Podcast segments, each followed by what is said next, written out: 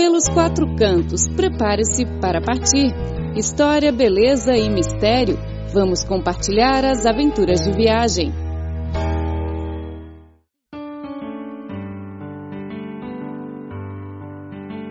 Olá, ouvintes! Sejam bem-vindos ao programa Pelos Quatro Cantos. Eu sou Clara Lee.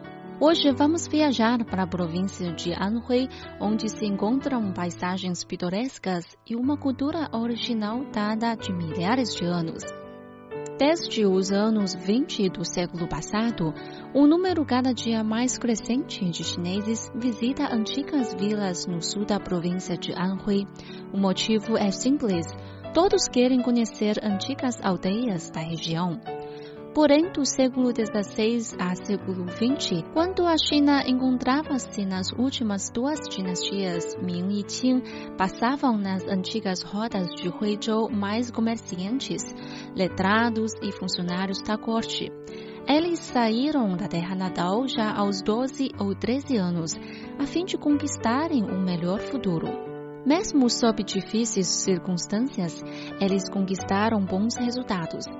A partir dos meados do século XIX, os comerciantes de Huizhou foram mais destacados no sul da China. Com riquezas obtidas em outras terras, eles voltaram à terra natal e construíram suas residências por entre montanhas e rios, formando assim muitas aldeias, das quais as antigas aldeias Xidi e Hongcun da cidade de Huizhou são as mais representativas.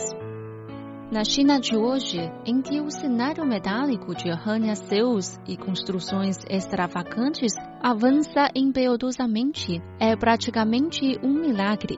A razão está na localização remota da região. Sorte dos visitantes que ainda podem se embrenhar em vielas apertadas e hospedar-se em casarões antigos para observar a vida do interior. Na China antiga, famílias do mesmo sobrenome construíam suas casas próximas, formando aldeias. A aldeia Xidi é da linhagem descendente do sobrenome Hu. Segundo registros, a aldeia foi criada há mais de 900 anos, com a chegada de seus primeiros ancestrais. Dois rios atravessam a aldeia. As casas estão interligadas, com paredes brancas e telhados negros. Os muros mais altos que a casa estão destinados a proteger e separar as casas no caso de incêndio, além de prevenir assaltos e proteger dos fortes ventos. Os muros também são chamados como muros de cabeça de cavalo por ser mais altos. Pavimentos de placas de pedra cinzentas não são largos. Aos dois lados, as janelas das residências são pequenas pois os ricos não queriam relevar suas riquezas. Mais ou menos semelhantes apenas da fisionomia externa das residências, não se percebe qual é a mais rica. Quando abre a porta e entra no pátio, um pátio luminoso com casas aos quatro lados. Dois cômodos dos quatro lados, águas escorrem para o pátio, significando a concentração de riquezas da família. A moradia do lado do fundo conta, em geral, com três quartos. O central serve como salão com decorações bem elegantes, os dois laterais como dormitórios. Tem ainda residências sobradinhos, pois com um grande número de familiares, eles viram-se obrigados a explorar mais espaços. Entre as residências, algumas ainda têm pátios grandes com jardins, tanques e bonsais. O pavimento é feito de textos coloridos em desenhos bem projetados, dando assim um toque poético a eles residências antigas. As três esculturas de Huizhou, esculturas de tijolos, de pedra e de madeira, são mais famosas. Independentemente de sua dimensão, se vêem tais esculturas em portas, janelas, pilares e ficas, até corrimãos, sua qualidade artística e significado em geral combina com as atividades profissionais de seus donos. Em suma, com a acumulação de riqueza, as esculturas tornaram-se cada dia mais requintadas. O templo da aldeia é a construção mais alta. Ali se realizavam as reuniões da aldeia para resolver litígios, castigar os criminosos e até organizar atividades educacionais, sendo por isso um centro de poder da aldeia. Hu Guansan, personalidade importante da família de linhagem Hu, era o sexto homem mais rico do sul da China. Ele construiu vários templos e residências na aldeia. Seu filho se casou com a filha de um primeiro-ministro daquele período. Para homenagear o primeiro-ministro na aldeia Xidi, ele contratou carpinteiros e construiu pavilhões na aldeia. Todas as construções mostram a riqueza e a sua posição na região. Hu Guansan é apenas uma personalidade representativa entre comerciantes de Huizhou. Durante mais de 200 anos, entre o século 17 e 19, a aldeia tinha mais de 600 residências, 34 templos, 99 ruas, com uma população de mais de 10 mil. Mas agora a aldeia é habitada apenas por mais de mil pessoas, com 124 residências antigas bem preservadas. As residências antigas de Huizhou mostram a riqueza e a fama dos comerciantes de Huizhou por terem uma boa educação desde crianças. O ditado entre eles é: os estudiosos são superiores a todos os outros. Isto quer dizer, se querem conquistar, têm que estudar. Mesmo sem nada conquistar, no entanto, tinham que ter comportamentos exemplares na sociedade. Com dez mandamentos, 115 personalidades de Huizhou foram escolhidos para ocuparem cargos públicos nas dinastias Ming e Qing. A residência Lufutang pertence a uma família de intelectuais. O dono não queria cargo nem riquezas. Vivia na aldeia, fazendo poemas, pintando e colecionando objetos antigos. O estilo de sua residência é simples e humilde. Os versos pintados em pilares dizem: Benevolência é a procura da família por centenas de anos. O estudo é a primeira coisa ideal. Cerca de 10 quilômetros de Xidi, encontra-se na aldeia antiga Hongcun, chamado por visitantes como aldeia na pintura tradicional chinesa. Na aldeia Hongcun, concentram-se familiares da linhagem do sobrenome Wang, uma das grandes famílias de Huizhou. A aldeia possui cerca de 800 anos. Vendo de cima para baixo, ou a partir do ponto de vista de um pássaro, a aldeia se parece com um búfalo debruçado. A montanha é considerada como cabeça do búfalo, as árvores como as chifres, as residências como o corpo e as pontes como os pés. As águas que correm e passam por Hongcun são atraentes como se fossem intestinos do búfalo e formam um grande tanque de forma de lua meia no centro da aldeia e daí correm para o lago ao sul da aldeia, conhecido como Barriga do Búfalo. A aldeia de Hongcun conta agora com mais de 100 antigas residências, templos e pavilhões, das quais a maioria foi construída entre séculos 14 e 19.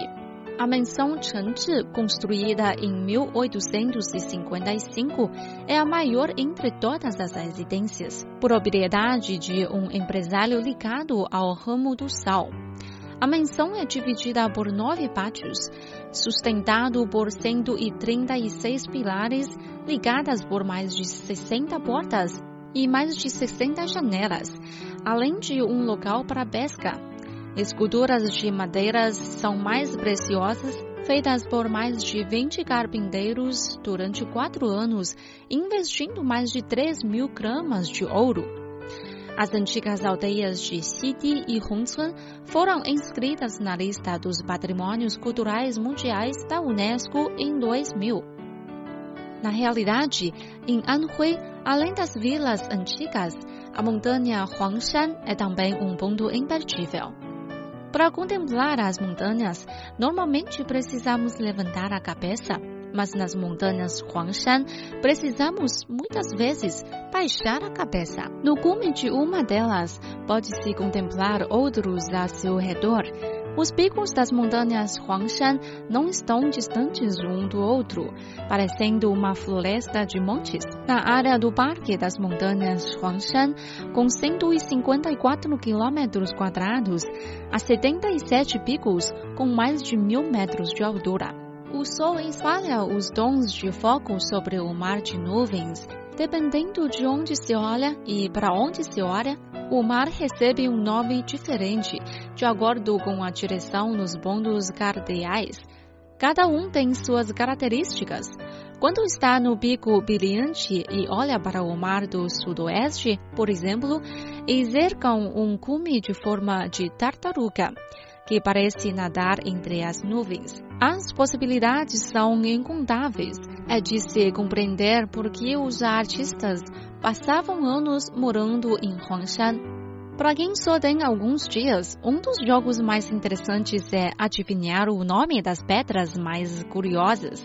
Uma delas chama-se Imortal Indicando o Caminho Diz a lenda que um homem em sofrimento foi a Huangshan para buscar o conselho dos imortais. Após se perder e caminhar por dias, encontrou um velho que o salvou. Então, o homem suspeitou que pudesse tratar-se de um imortal. Para verificar, pediu-lhe: indique-me o caminho.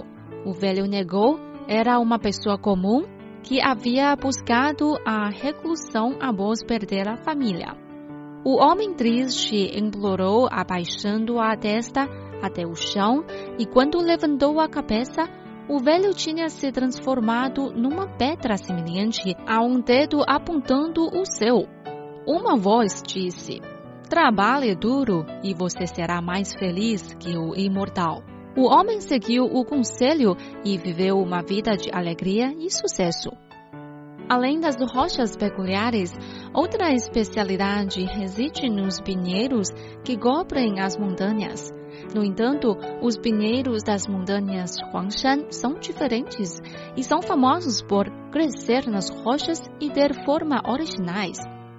Os pinheiros das montanhas Huangshan crescem a mais de 800 metros de altura. Como uma das características, eles estão enraizados nas fendas dos granitos e muitos além não têm contato com a terra. Outra característica é que as rochas mostram suas posturas diversificadas.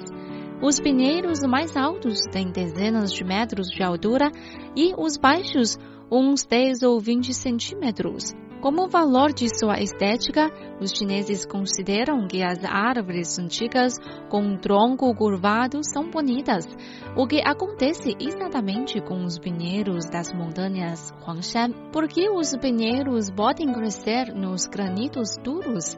As raízes dos pinheiros das montanhas Huangshan segregam um tipo de madeira orgânica ácida e emitem o bióxido de carbono. Ao encontrar água, a madeira ácida e o bióxido de carbono se combinam em ácido carbônico, que pode dissolver lentamente as rochas, e as raízes absorvem pouco a pouco as águas e nutrientes.